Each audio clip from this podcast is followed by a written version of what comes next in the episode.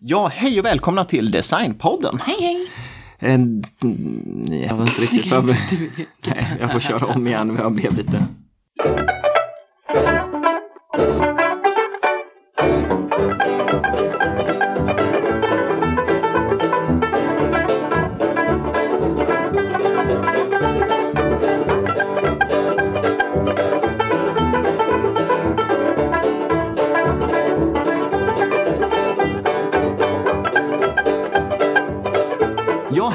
välkomna till Designpodden. Hej! Den här veckan eh, ska vi prata om ett eh, väldigt välkänt företag tänkte vi. Mm, och en gubbe. Ja, flera gubbar. Gubben och dess företag. Ja, och söner och, och allting där. Gebrydel. Eh, ja, vi ska prata om turné. Ja. Och grejen är väl lite så här att vi kände att det vore roligt att göra ett avsnitt om turné som är lite mer övergripande. Och det blir ju det här. Så att vi går inte in i detalj på särskilt mycket Nej.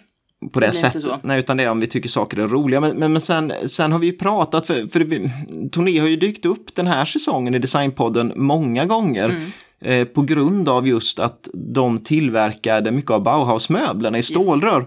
Men det är ju inte egentligen stålrör de flesta kanske förknippar med turné, utan det Nej. är... Böjträ! Ja, men vad, vad tänker du på när du Jag bara hör tänker på öglan. Ja, typ den här klassiska kaféstolen. Alltså när jag säger öglan är ju det Ikea, men alltså du förstår ju. Mm, eh, Ikea har ju gjort Ugglan Ja, och det är ju exakt samma Ja, teknik eh, och samma typ av stol. Det är ju helt enkelt en österrikisk eh, kaféstol. Yes. Och ehm, det, det här är ju inte något som bara är Alltså det är ju så mycket större än bara turné. Liksom det, turné har ju skapat en hel egen stil egentligen. Mm, man skriver ju ofta på auktion turnéstil och då vet man ju direkt vad man menar. Ja. Oh, ja. Det är det här böj, böjda träet Ja. som Lite Eh. snirkel i krokar och... Ja. Och därför vore det lite roligt att höra lite bakgrund kring det här tänkte vi. Eh, och, och det här har ju en ganska lång historia. Och då var, är det ju det här med källor när det kommer till eh, sånt som är Mhm. Gans, eh, gammalt. För det här är ju, börjar ju snudda på 200 år sedan som den här historien tar sin början. Eh, Men vi hittade en bok som vi gillar och det är ju bara för att vi tycker det är lite kul med gamla källor av någon anledning. Eh, Och då dök vi på ett häfte som eh, är utgivet i samband med Turnés 100-årsjubileum av den amerikanska etableringen av Turné då. Och det var 1953. Och då gavs det ut ett häfte som, som eh, finns i eh, MoMA, alltså Museum of Modern Art i New York, deras samlingar. Eh, MoMA vet inte vem det är egentligen som gett ut den där, men den handlar om, om Turné och det är som har, alltså Turné företaget som har skrivit texterna i den. Och den heter bara Turné Furniture eh, 1830 till 1953. Eh, och sammanfattar ju tidig turnéhistoria. Så den har vi använt oss mycket av. Det har vi. Men visst är det lite brasklapp på fakta och sådär ibland? Ja, eller ibland. Det var ju egentligen lite bara knas med årtal och hur gammal han var vid olika ställen. Ja, så att, och jag tror det, är även ibland lite sådär luddigt när vissa modeller formgavs och så, men det är ju rätt naturligt för att det var ju säkert en process och dokument är inte sparade på just det sättet sådär, så att vi gör lite övergripande här och, Ja. och, och så får ni ta allting med en liten nypa salt. Precis, men gnutta. Ja, Utifall det blir knas. ja. Don't quote us. Så vi tar och börjar veckans avsnitt. Eh, Vi som pratar heter ju som alltid i denna värld Sanna och Andreas och ni lyssnar på Designpodden. Det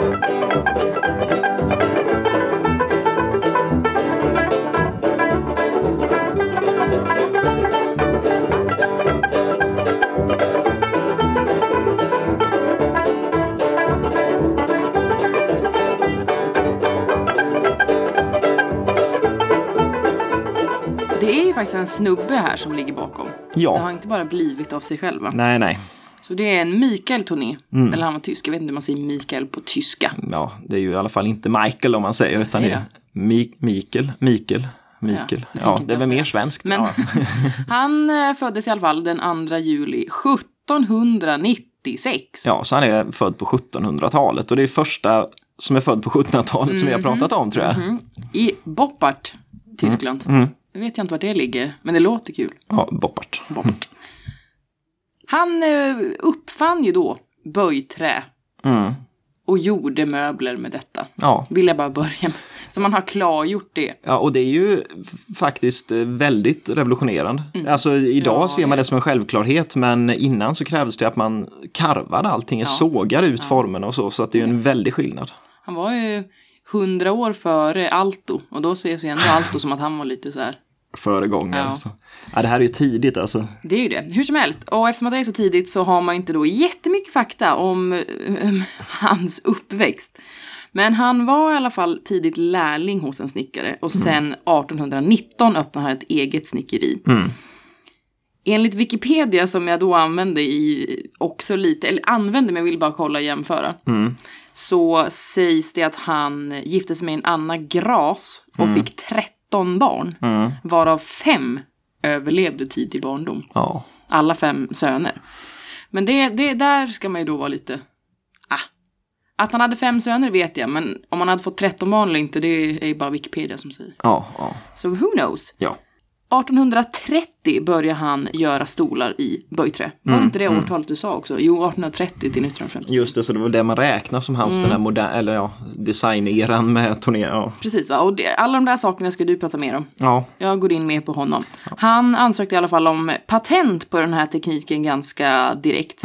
Men han nekades i Tyskland, hans hemland, Storbritannien, Frankrike och Ryssland bland annat. Och det är ju de största marknaderna för honom då. Ja. Så det var ju dumt. Sådär! Ja. 1841, då träffade Tony en prins, Metternich. Mm. Han var, det står att han var en österrikisk statsman och utrikesminister, men ändå står det att han var prins också, så jag vet inte om han var både och. Han hade i alla fall sett Tonés möbler och eh, han såg potentialen. Och han sa att för att verkligen bli framgångsrik så behövde han flytta från den där lilla staden i Tyskland. Det var Wien man skulle vara i. Ja, ja. Så han erbjöd sig eh, sponsorskap och eh, gratis transport till Wien. Ja, det är ju väldigt bra att få om man inte har så mycket pengar. Så. Ja, oh ja. Och eh, Toné han tog erbjudandet och eh, 42 så flyttade han och familjen till Wien. Och då hade redan ett patent beviljats i då Österrike. Mm, mm. Så det, det, där var det bra. Ja, Sen bara rullar det på och, och ett eh, första showroom öppnar 52 i Wien. Och fabriken som man då hade där i början, den kom att flytta till större lokaler och där kom 42 personer att jobba. mm, mm. 1853 då överlämnar han företaget till sina söner och kallar det då för Gebrüder Toné. ja bröderna Tony helt enkelt. Och det är ju rätt naturligt om man säger Ja, det är utifrån. kul att säga också. Ja, Gebryder. Yeah. Den första storskaliga fabriken öppnade 1857 i Mären som låg i Tjeckien. Mm, precis. ligger.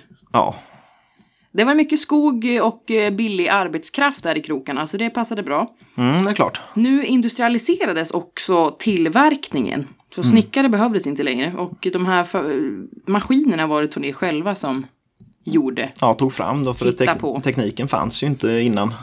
Precis. Så de som jobbade, det var ju ändå lite folk som behövdes till olika saker. Och männen, de gjorde det här tunga, jobbiga. Medan kvinnor slipade, polerade, packade och vävde. Mhm.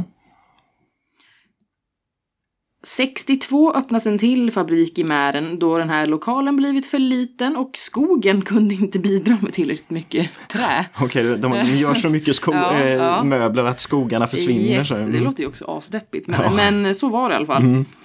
Men utöver stolar så producerades faktiskt mycket annat under den tiden också. Det var inte bara möbler, det var så här grejer. Mm. Hatthyllor, ramar, barnstolar och sängar, tvättställ och så liksom Ja, bara allt. allt, möjligt.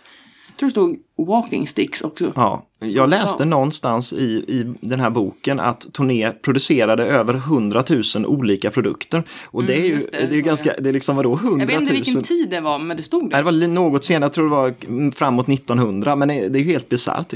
100 000 olika varor. Eh, Det är ju, vad har Ikea idag liksom i sitt sortiment? De har inte 100 000. eh, Säker. Ja, jag vet inte, men Företaget går bra hela tiden och de öppnar flera fabriker. Också lite på grund av att skogen typ tar slut på ställen. Så då öppnar de nya fabriker på nya ställen. rodrist. Så det blir, det öppnas i Ungern, Polen, Ryssland, Tyskland eh, under då i alla fall. Ja. Sen vet jag inte om det blir i ännu fler länder. Senare, nej. Efter andra världskriget så förlorar då Toné alla sina fabriker i Östeuropa. Mm, det är klart, ja, för att det blir förstatligat allting eh, efter kriget. Exakt va. Mellan 45 och 53 så är det en släkting i nedstigande led som, eh, som heter Georg Toné. Som försöker då återuppbygga en fabrik i Tyskland. Mm. Och där finns företagets huvudkontor och fabrik kvar än idag. Mm.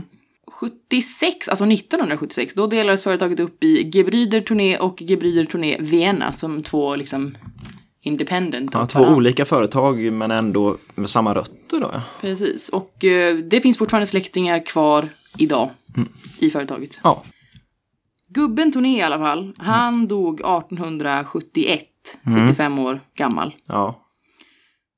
Och redan då när han dör så lämnar han efter sig då mängder med fabriker, sågar och massa skog. Då var det 20 showrooms i 25 olika huvudstäder. Jaha. Och hans patent då som nekades, eh, det, bör, det ledde ju till att det tillverkades väldigt mycket identiska och liknande möbler under det första decenniet på 1900-talet. Ja, det är klart. Det stod att eh, cirka 35 000 människor jobbade med en sån tillverkning då under första delen liksom av Av, av, ja. Då i synnerhet de här stolarna som är väldigt populära. Mm. Och de levererades i platta paket så man kunde skicka dem över hela världen. Exakt, och det är också Ikea-kopplingen där faktiskt lite att, att man har tänkt på att eh, man, man skulle, de var anpassade för att kunna stoppas i koffertar som sjömän hade med sig över eh, så och så. Så att det är väldigt smart tänkt där hela vägen. Det är ju det. Jag tar en liten så att vi kommer in på Bauhaus, bara med ett litet citat Ja, från. Le Corbusier. Han använde ju då turnéstolar i paviljongen på världsutställningen i Paris 25, 1925 alltså. Nu måste man vara tydlig med Mm, Vilket århundrade. Ja. Precis. Det är inte ofta man måste det. Då ska han i alla fall ha sagt. Mm. We have introduced the humble chair of steamed wood, certainly the most common as well as the least uh, costly of chairs. And we believe that this chair, whose millions of representatives are used on the continent and in the Americas, possesses nobility. Det var fint sagt. Ja, Nej, men det, man förstår verkligen att eh, formgivarna på Bauhaus och modernisterna har ju kikat väldigt mycket på turné. Mhm, mhm. Och det liksom erkänner man också. Det Jo, men det är fint.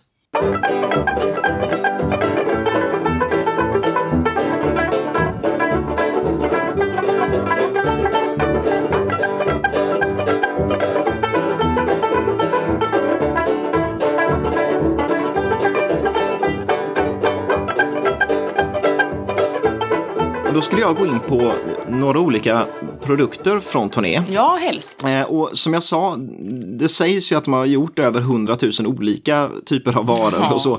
Eh, och därför valde jag direkt att bara prata om stolar. Eh, och sen så just eh, inte prata om de här, för det finns ju en hel del som olika formgivare har gjort och eh, producerat på turné. Mm. men nej, nej, nej. Ja, Josef Hoffman och Josef Frank också för den delen Mm, till exempel. Men det får ju vara i separata avsnitt. Nu blir det lite mer historia kring böjträstolarna och sen så kommer jag ändå att hosta in lite på eh, Bauhaus också. Alltså Från- inte för mycket, för så mycket som vi har ältat Nej, Bauhaus nu så får det, vi ta det blir lite kort, några eh, korta grejer på slutet. Men jag tänkte nämna först då den här första böjträ, eh, liksom formböjda fanerstolen Mm. som eh, Mikael Torné gjorde. Eh, och den, grunden var ju att alltså innan, när han började som snickare och så, då gjorde han ju traditionella stolar. Och den stilen som rådde i Tyskland under den perioden, det var Biedermeier. Och Biedermeier är ju en stilepok som finns både in, egentligen inom konst och, och um, inom litteratur och, och um, så också. Va? Men eh, inom, eh, liksom det, det är en mest känd nästan som en möbel, möbelepok. Och eh, den fanns i Centraleuropa mellan 1815 till 1848, så det är en ganska lång period. Och den eh, ligger ju samtidigt ungefär som den svenska Karl Johan-stilen. Eh, och grunden var att det hade börjat dyka upp en medelklass som behövde möbler. och då behövde möblerna se ut på ett lite annorlunda sätt. Och de präglades ofta av liksom just det här rena linjer utan överdriven ornamentik. Då, va?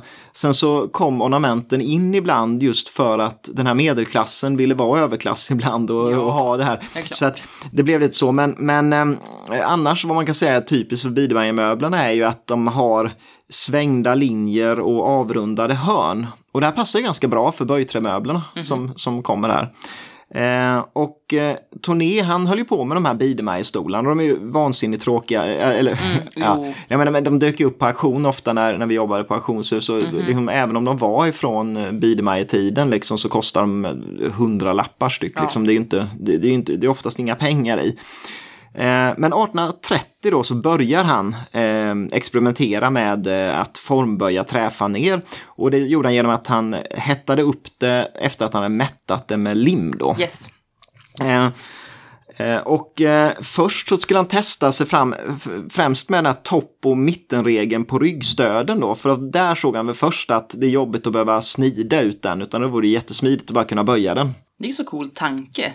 I ett material som uppenbarligen inte kan vara flexibelt. det ska inte vara flexibelt utan man ska behöva slita med det. Men då så såg han väl framför sig att men om man bara hade kunnat ta den här träbiten och bara böja den istället så behöver man inte sitta här och snida. Jo, det kan man ju tänka, men hur många skulle agera Nej, på, göra om- på den tanken? Exakt, jag liksom, faktiskt säga att nu ska jag tämja träet på det här sättet. Nej. Och det här mynnar då ut i en stol då som kom 18, någon gång mellan 1836 och 1840. Ehm, och det var den första, eh, den här formböjda stolen. Och ryggen på den är en helt vanlig traditionell Biedermeier-stilstol va? Så att, eller så, så att den har det här vanliga ryggstödet. Men- Egentligen är de inte jättefula. Nej, nej, jag ska inte säga, men det finns väldigt... man har sett dem väldigt ofta och de kostar det, inte det så är väl mycket egentligen pengar. det. Det är mycket som är fulare. Ja, ja, absolut. Men ryggstödet är på, den här, på Tonés första böjträstol, det är en vanlig Biedermeierstol. Mm. Men det som är fascinerande är ju då benställningen. För där, där ska man komma ihåg att det här är alltså 1836 då ty- typ. Och eh, benen är, ska jag säga, att först är de formböjt träfaner då som går ner. Men sen så slutar inte benen vid marken utan de går upp igen i en båge och Lite grann, fortsätter bak till bakbenen och sen fortsätter de upp i ryggen. Så att eh, benställningen, det, det som gör att stolen känns lite märklig egentligen det är att det känns som det är alltså, två stolar man har limmat ihop nästan. För tittar man bara på överdelen på den stolen så, så ser det ut som vilken stol från den tiden som helst. Och tittar man på underdelen då tror man att det är någon, ja, men en Bauhaus-stol eller någon, någon designad eh, 1900-talsstol. Så att den kom där, var jätteviktig, men då hade han ju inte liksom det stod någonstans i, bo, i den här boken vi läste att, att eh, Toné jobbade mycket på tekniken men han hann inte med formgivningen. Och det kan man kanske se lite då att han, han hann inte med att tänka på ryggen eller sådär utan han ville först testa, går det att göra en stol i den här tekniken? sunt egentligen. ja, absolut. Men sen eh, som du redan har nämnt så det här att han flyttade till, eh, till eh, Wien 1841 då när han träffar den här första mitt, alltså, den jag tyckte jag, jag skrev upp vad han hette för att det är så roligt bara den här försten då som var när riks, eller rik, ja, kansler. Statsman ja, och utrikesminister. Och varför hette han prins i min då? Ja, det, om man översätter så blir nog det första, han har nog ett först, eget furstendöme. Det, Kanske det, jäkligt. frågan är om inte ett kungarike eller liksom ett Men då eh, kanske så. han är prins. Ja, Vem vem vet. vet? Men han hette i alla fall Clemens Wenzel Nepomuk Lothar von Mitternich. Eh, Så att det är Så en två, tre, fyra, fem. Ja, det, är, det är väldigt långt. Vad är neopunk? Nepomuk. Ja, Nepomuk är inget bra namn. Ja, hur som helst. Va? Eh, att, eh, nej, alltså, grejen var ju att det var naturligtvis eh, inte bara snack det där om att det var bra för turné att komma till Wien. För det, det gällde ju att, att komma, nå ut i bra och viktiga kretsar. Va? Ja, the rich people. Och tydligen så under fyra år, de här första åren i Wien, så eh, sysselsätter han och sönerna sig med att göra fanergolv och möbler till eh, Ja, stadspalatset Liechtenstein i Wien. Så det är liksom för, Mm, för kungafamiljen i Liechtenstein, Ja. deras bostadspalats i, i Wien. gång. Så det går bra direkt va. Eh, och då kan han ju fortsätta samtidigt som han har det här fasta liksom eh, vad han ska göra. Så kan han fortsätta experimentera med böjträet och, och hålla på och utveckla teknikerna. Eh, och det är ju också klockrent givetvis va, för då, då behöver man inte oroa sig över pengar. Eh, och ehm, Sen öppnar de ju sin första egna verkstad 1849 och redan 1850 så kommer den första eh, renodlade böjträstolen. Just det. Och eh, den stolen kallas ofta Café Daum-stolen, har modellnummer 4. Och eh, man kan väl säga att det, här Café Daum, det var det var någon Madame Daum som drev det, men hon blev först med att inreda en offentlig inrättning med böjträmöbler. Mm. Så det är ju roligt bara därför. Coolt. Och eh, den här eh, kaféstolen då, den bestod av fyra lager faner i ryggen och fem lager i sits och ram för att den skulle bli lite stadigare där man satt då. Och eh, då man, i och med att det var faner så då, då fick han ju ha eh, då, eh, mahogny i ytterfaneret och resten i ett billigare träslag. Mm. Eh, som man alltid gör med faner. Så han, gjorde. Och, eh, han mjukade upp det här faneret då i kokande vatten och sen så böjdes det i träformar och sen torkades det. Så en ganska invecklad process och det är just när man behöver fanera alla delar och sådär. Det var ju inte helt, det var inte gjort för alltså en industriell produktion än. Om man säger utseendet på den stolen. Jättesöt. Så, ja, den är väldigt fin. Är den. Jag älskar den. Den är ju en av de finaste mm. turnéstolarna. Eh, och den skiljer sig just, om det finns liksom inslag av Biedermeier i den här andra stolen så gör ju inte det det här Nej, längre. Utan det här är, skiljer sig helt och hållet från alla andra stolar som gjordes under eh, 1850-talet. Alltså allt utom ryggen ser ut som en, en eh, sån kaféstol man tänker på. Ja. man tänker turné. Mm. Och sen så ryggen är ju då en annan typ av dekor. Man kan säga att... Det är ett krusidulligt hjärta istället. Ja, det, ryggen går ju upp i en... Man kan säga att det är det som gör det är ju det som gör kaféstolarna från turné lite, det är att bakbenen är sammankopplade mm. och sen böjda upp till så att eh, de bildar ryggen som är en båge. Och inuti så finns det då två stycken krusiduller som de kallar det, som är spegelvända mot varandra det som bildar ett hjärta. hjärta ja. ja. det bildar ett hjärta helt enkelt. Eh, men det man ska nämna med den då är att sitsen är fortfarande lite traditionell. Den, är, den är, har ehm, eh, en liten skuren detalj uppe vid, eh, liksom, där, där frambenen går upp mm. i mhm. sitsen. Och den är ju inte rund utan den är formad mer som en traditionell eh, stolsits. Och sen så är, är det en flätad rotting som är klädseln då, eller vad man ska säga. Mm. Det tycker jag aldrig känns säkert att sitta på. Nej, man tror ju man ska åka igenom, ja. och säkert på gamla jag stolar. Inte det då? Ja, nej, egentligen är det ju segt som tusan, eh, Rotting. Ja, segare än vad man tror, om man inte har missat, äh, liksom, äh, egentligen ska man hålla på och fukta Rotting med jämna ja, mellanrum för att det ska äh, hålla sig. Men med vatten? Fukta. Ja, ja.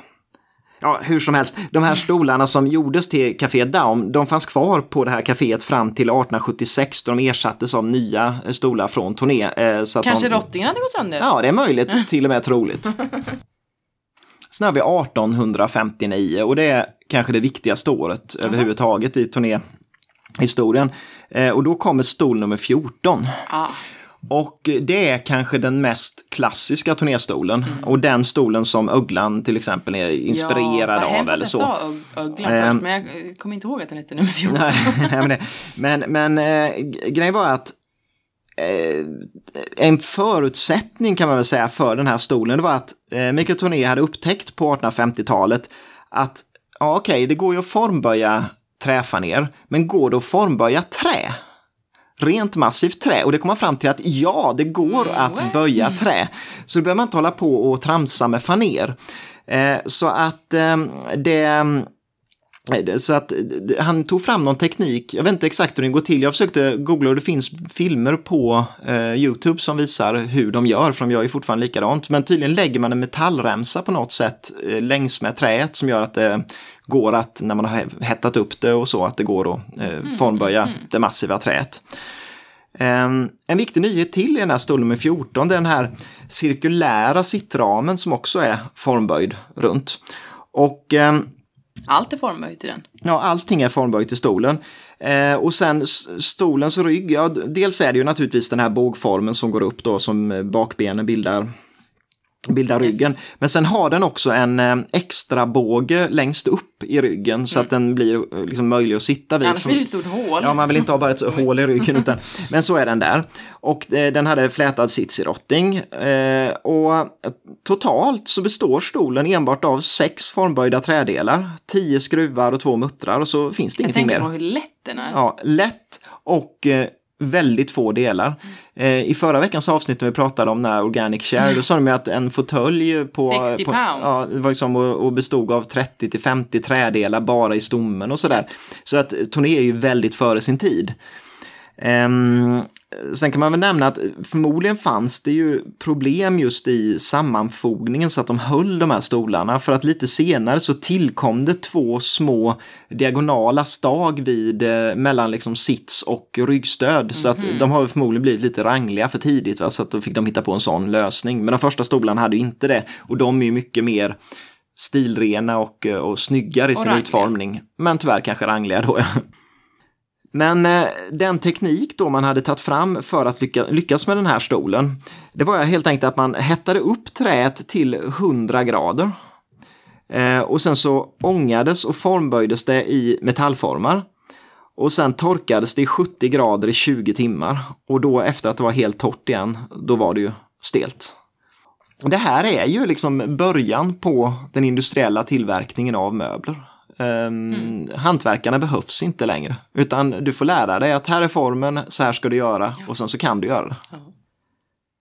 Eh, Och varför jag ville nämna just stol nummer 14 som, som så otroligt viktig, det är att den är ju mallen om man säger för väldigt många andra turnéstolar som kommer senare. Och kopior. Och kopior också för den delen.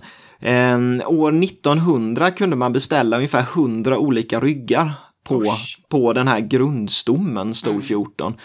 Eh, och eh, värd att nämna till exempel är ju stol nummer 18, Wienercaféstolen från 1876. Och den skiljer sig genom att den har istället för som på stol nummer 14 så har den ju det här eh, bågen längst upp, extra bågen längst upp om man säger på ryggen. Den har istället en hel båge som är snävare som går i mitten på ryggen. Och den påminner ju jättemycket om ugglan, det är ju nästan exakt. Tvärtom. Ugglan påminner jättemycket. Ja, jo, jo det är klart. Eh, Och det man också ska nämna när det gäller de här stolarna, det är hur fruktansvärt många som kommer att tillverkas. Ja. Eh, mellan 1859 och 1900 så tillverkades 40 miljoner stolar. och det här är på 1800-talet liksom. Wow. Eh, 1950 hade 100 miljoner stolar totalt tillverkats. Eh, och idag hittar jag ingen statistik på, men det är ju flera hundra miljoner stolar som har gjorts. Eh, det måste ju vara världens mest producerade stol. Oh my god, att är alla dessa stolar? Ja, de kanske blev rangliga vissa då, men eh, ja. Jesus. Sen då tänkte jag komma in på gungstolen. Ja, Eh, för det är också något som man ofta förknippar med turné. den är Eh, ju så cool. Väldigt, väldigt rolig.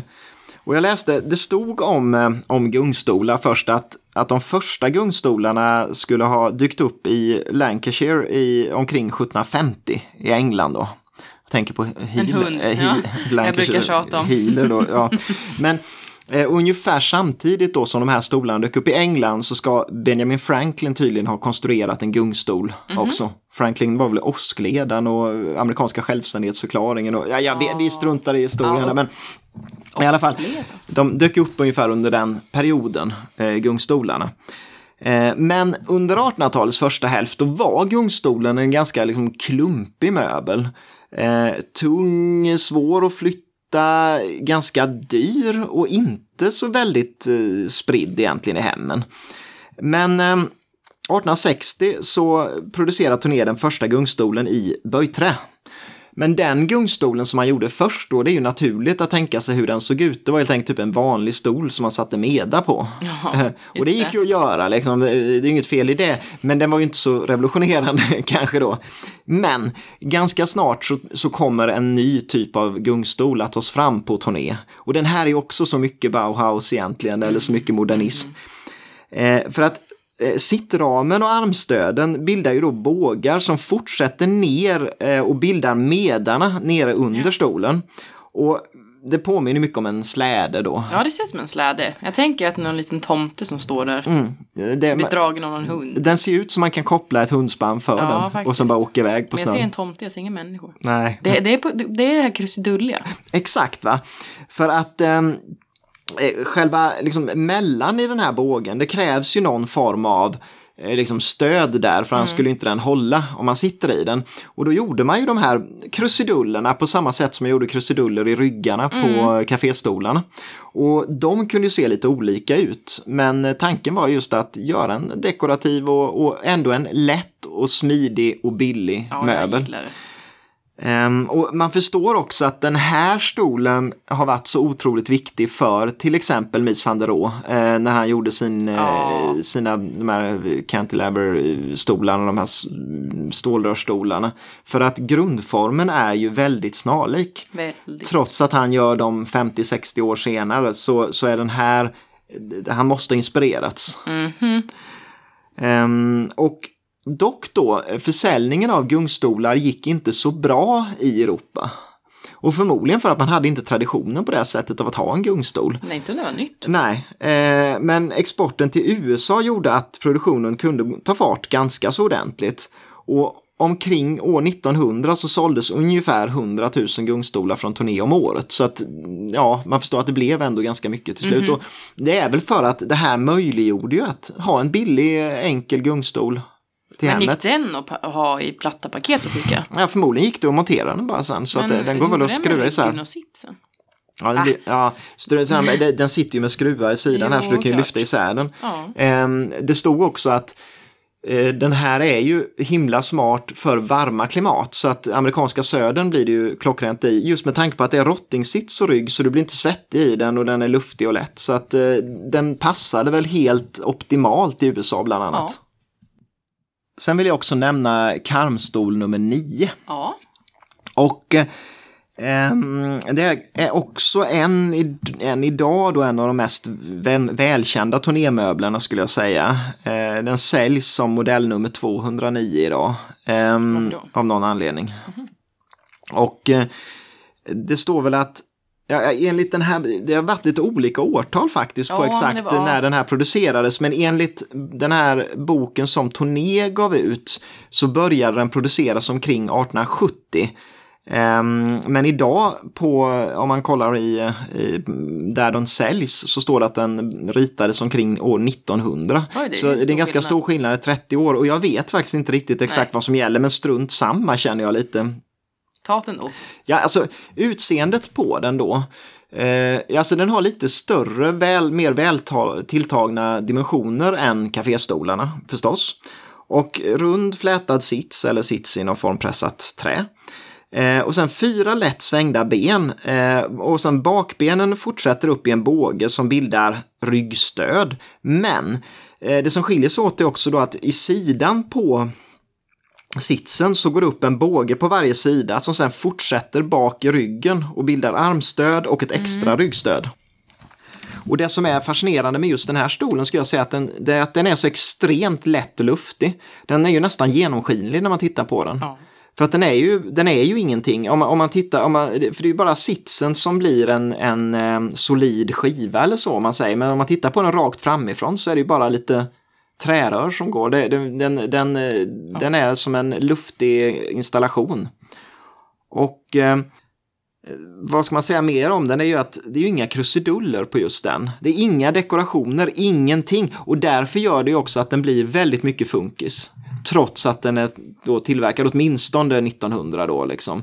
Kanske tidigare. Och eh, man förstår att eh, Le Corbusier till exempel älskar den här stolen. Jaha. För att den bryter så med allt det gamla, allt det dekorerade.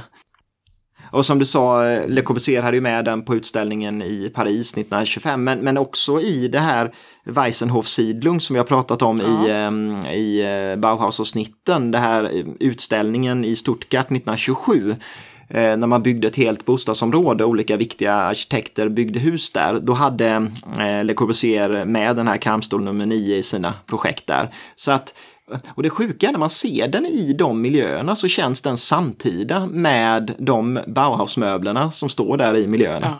Ja.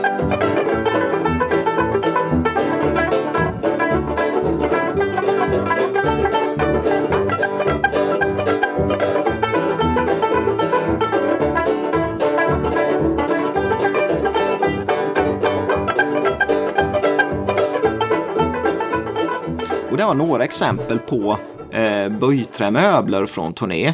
Eh, det finns ju hur många som helst och eh, det man ska göra är att googla runt på det där för att det är så kul att se alla olika ryggar och alla olika småändringar som har gjorts genom åren och så på dem. De är, alltså, man blir så fascinerad för det är som Mm. små konstverk varje stol.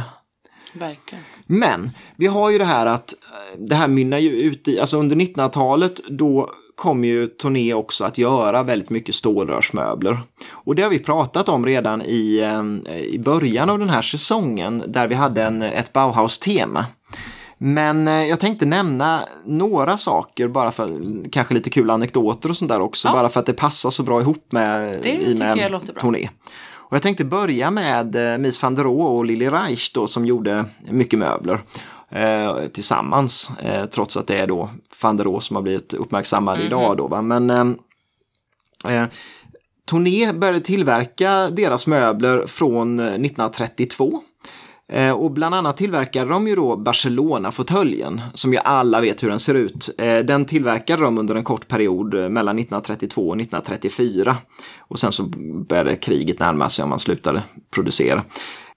Och det var ju lite sådär rörigt fram och tillbaka, kommer jag ihåg, när vi pratade om just Barcelona-fåtöljen för att eh, det finns ju så mycket kopior. Och idag är det ju noll som har eh, licensen på Barcelona. Jag trodde du menade alltså siffran. Ja, no, ja, just bara, vad fan? Ja, men idag är det ju noll som har licensen på den. Eh, men eh, ibland så dyker det upp och då tror en del att, att om jag kanske har en, en gammal eh, riktig så. Men, men det är ju under en väldigt liten period som de här produceras innan noll tar över licensen. Och eh, de första stolarna, det var, var ju bara två egentligen som gjordes till eh, Barcelona-utställningen 1929. Och de skiljer sig ju också lite i, från hur en Barcelona ser ut idag. De hade diagonala eh, sömmar i, i dynorna bland annat och så. Va? Men till att börja med sen så då först tillverkades stolarna på något som heter Bamberg Metallverkstätten 1931 till 1932.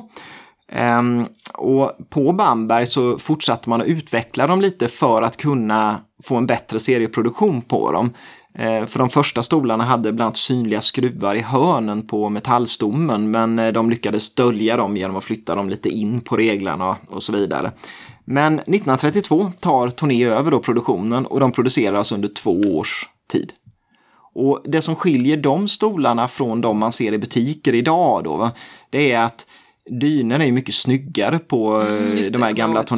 Ja, för att de, är, de har inte de här tjocka rören mellan eh, lapparna och så som eh, Noll av någon anledning har. Det blir ganska grovt och, och fult. Och sen så har ju Nolls dyner följer, liksom grövre och följer inte liksom, böjningen på Mm. metallstommen alls lika väl.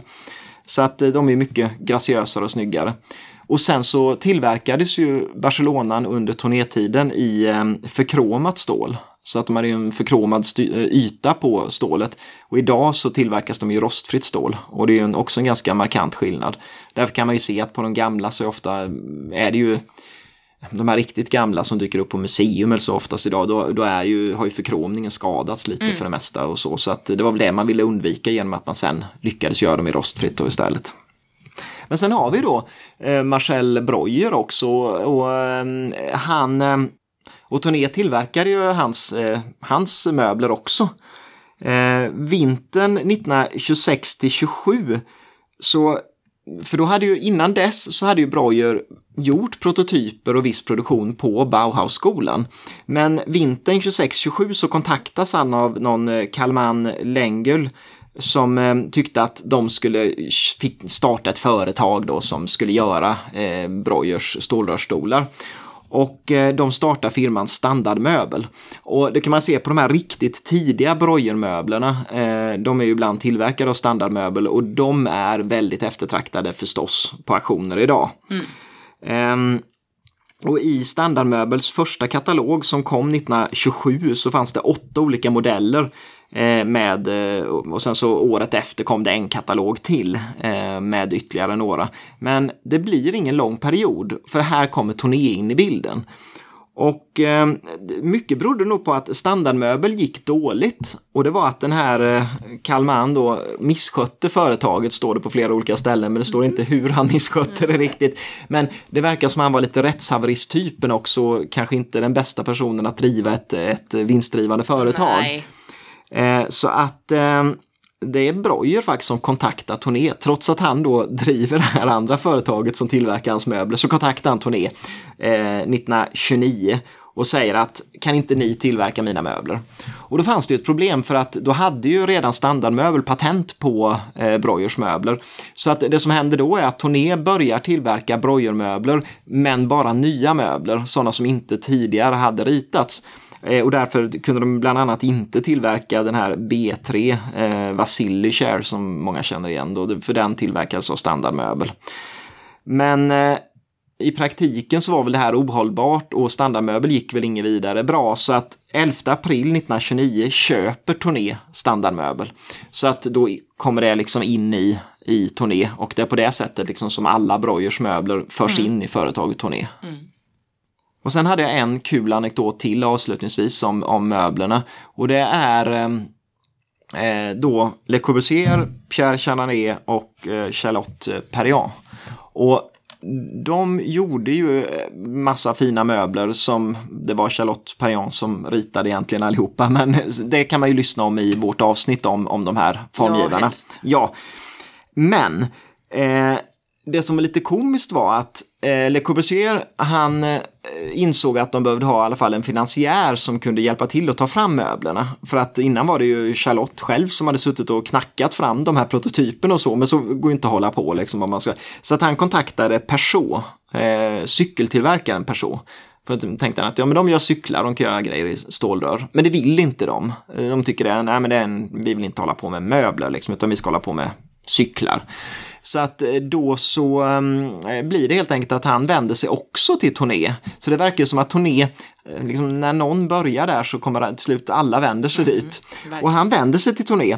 Och grejen var att 1929 så skulle de visa de här, de här möbelserierna, de här första fina möblerna på höstsalongen i Paris. Och då kommer man överens med Tourné om att de ska finansiera deras möbelutställning mot att de får ta med sig prototyperna och se om det går att göra serieproduktion av dem på turné. Och då såg jag någon, ett kul brev som, eh, som Le Corbusier hade skrivit till någon på sin eh, byrå mm -hmm. där.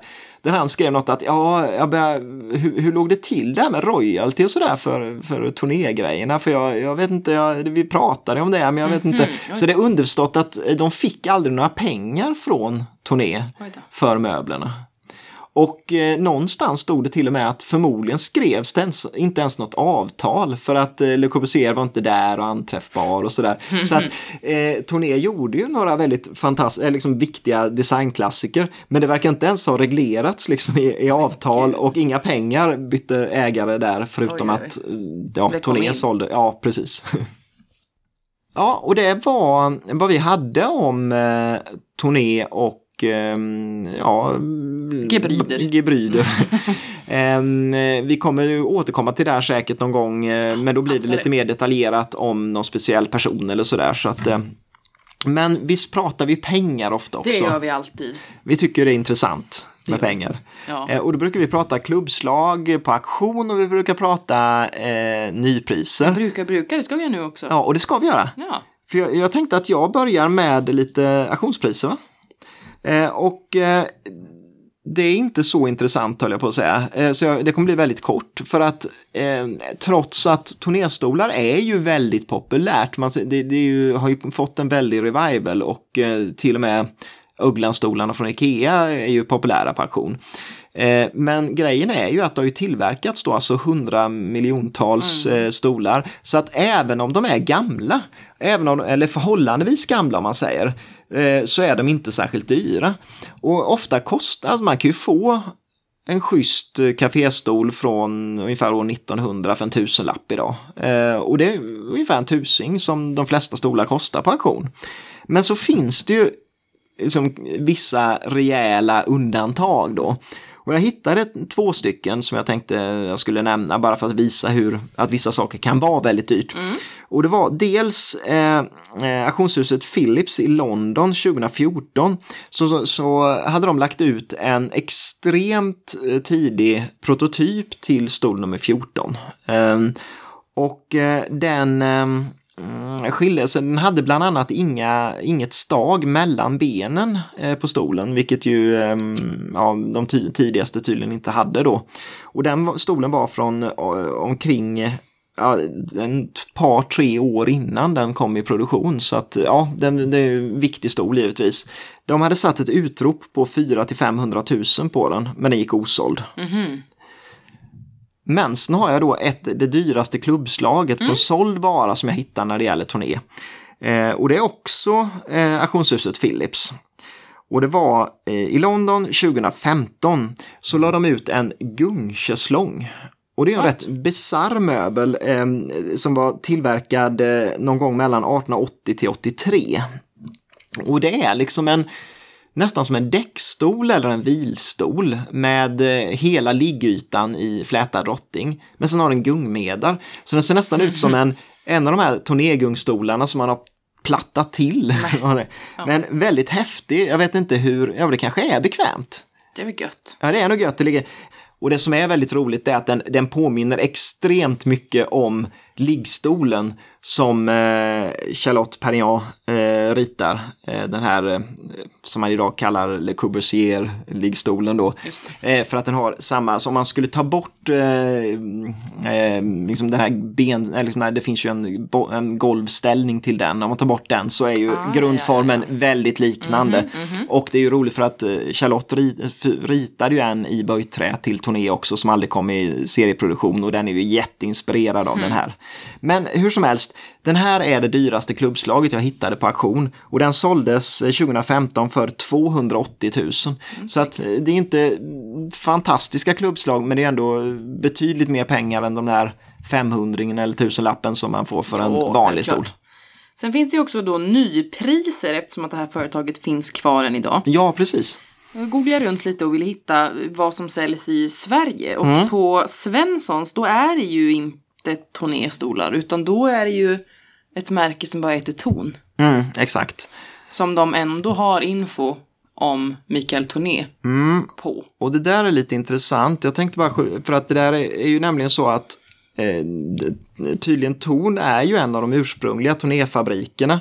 Men den har ju varit exproprierad, alltså ägd av stat, statligt ägd i Östeuropa innan.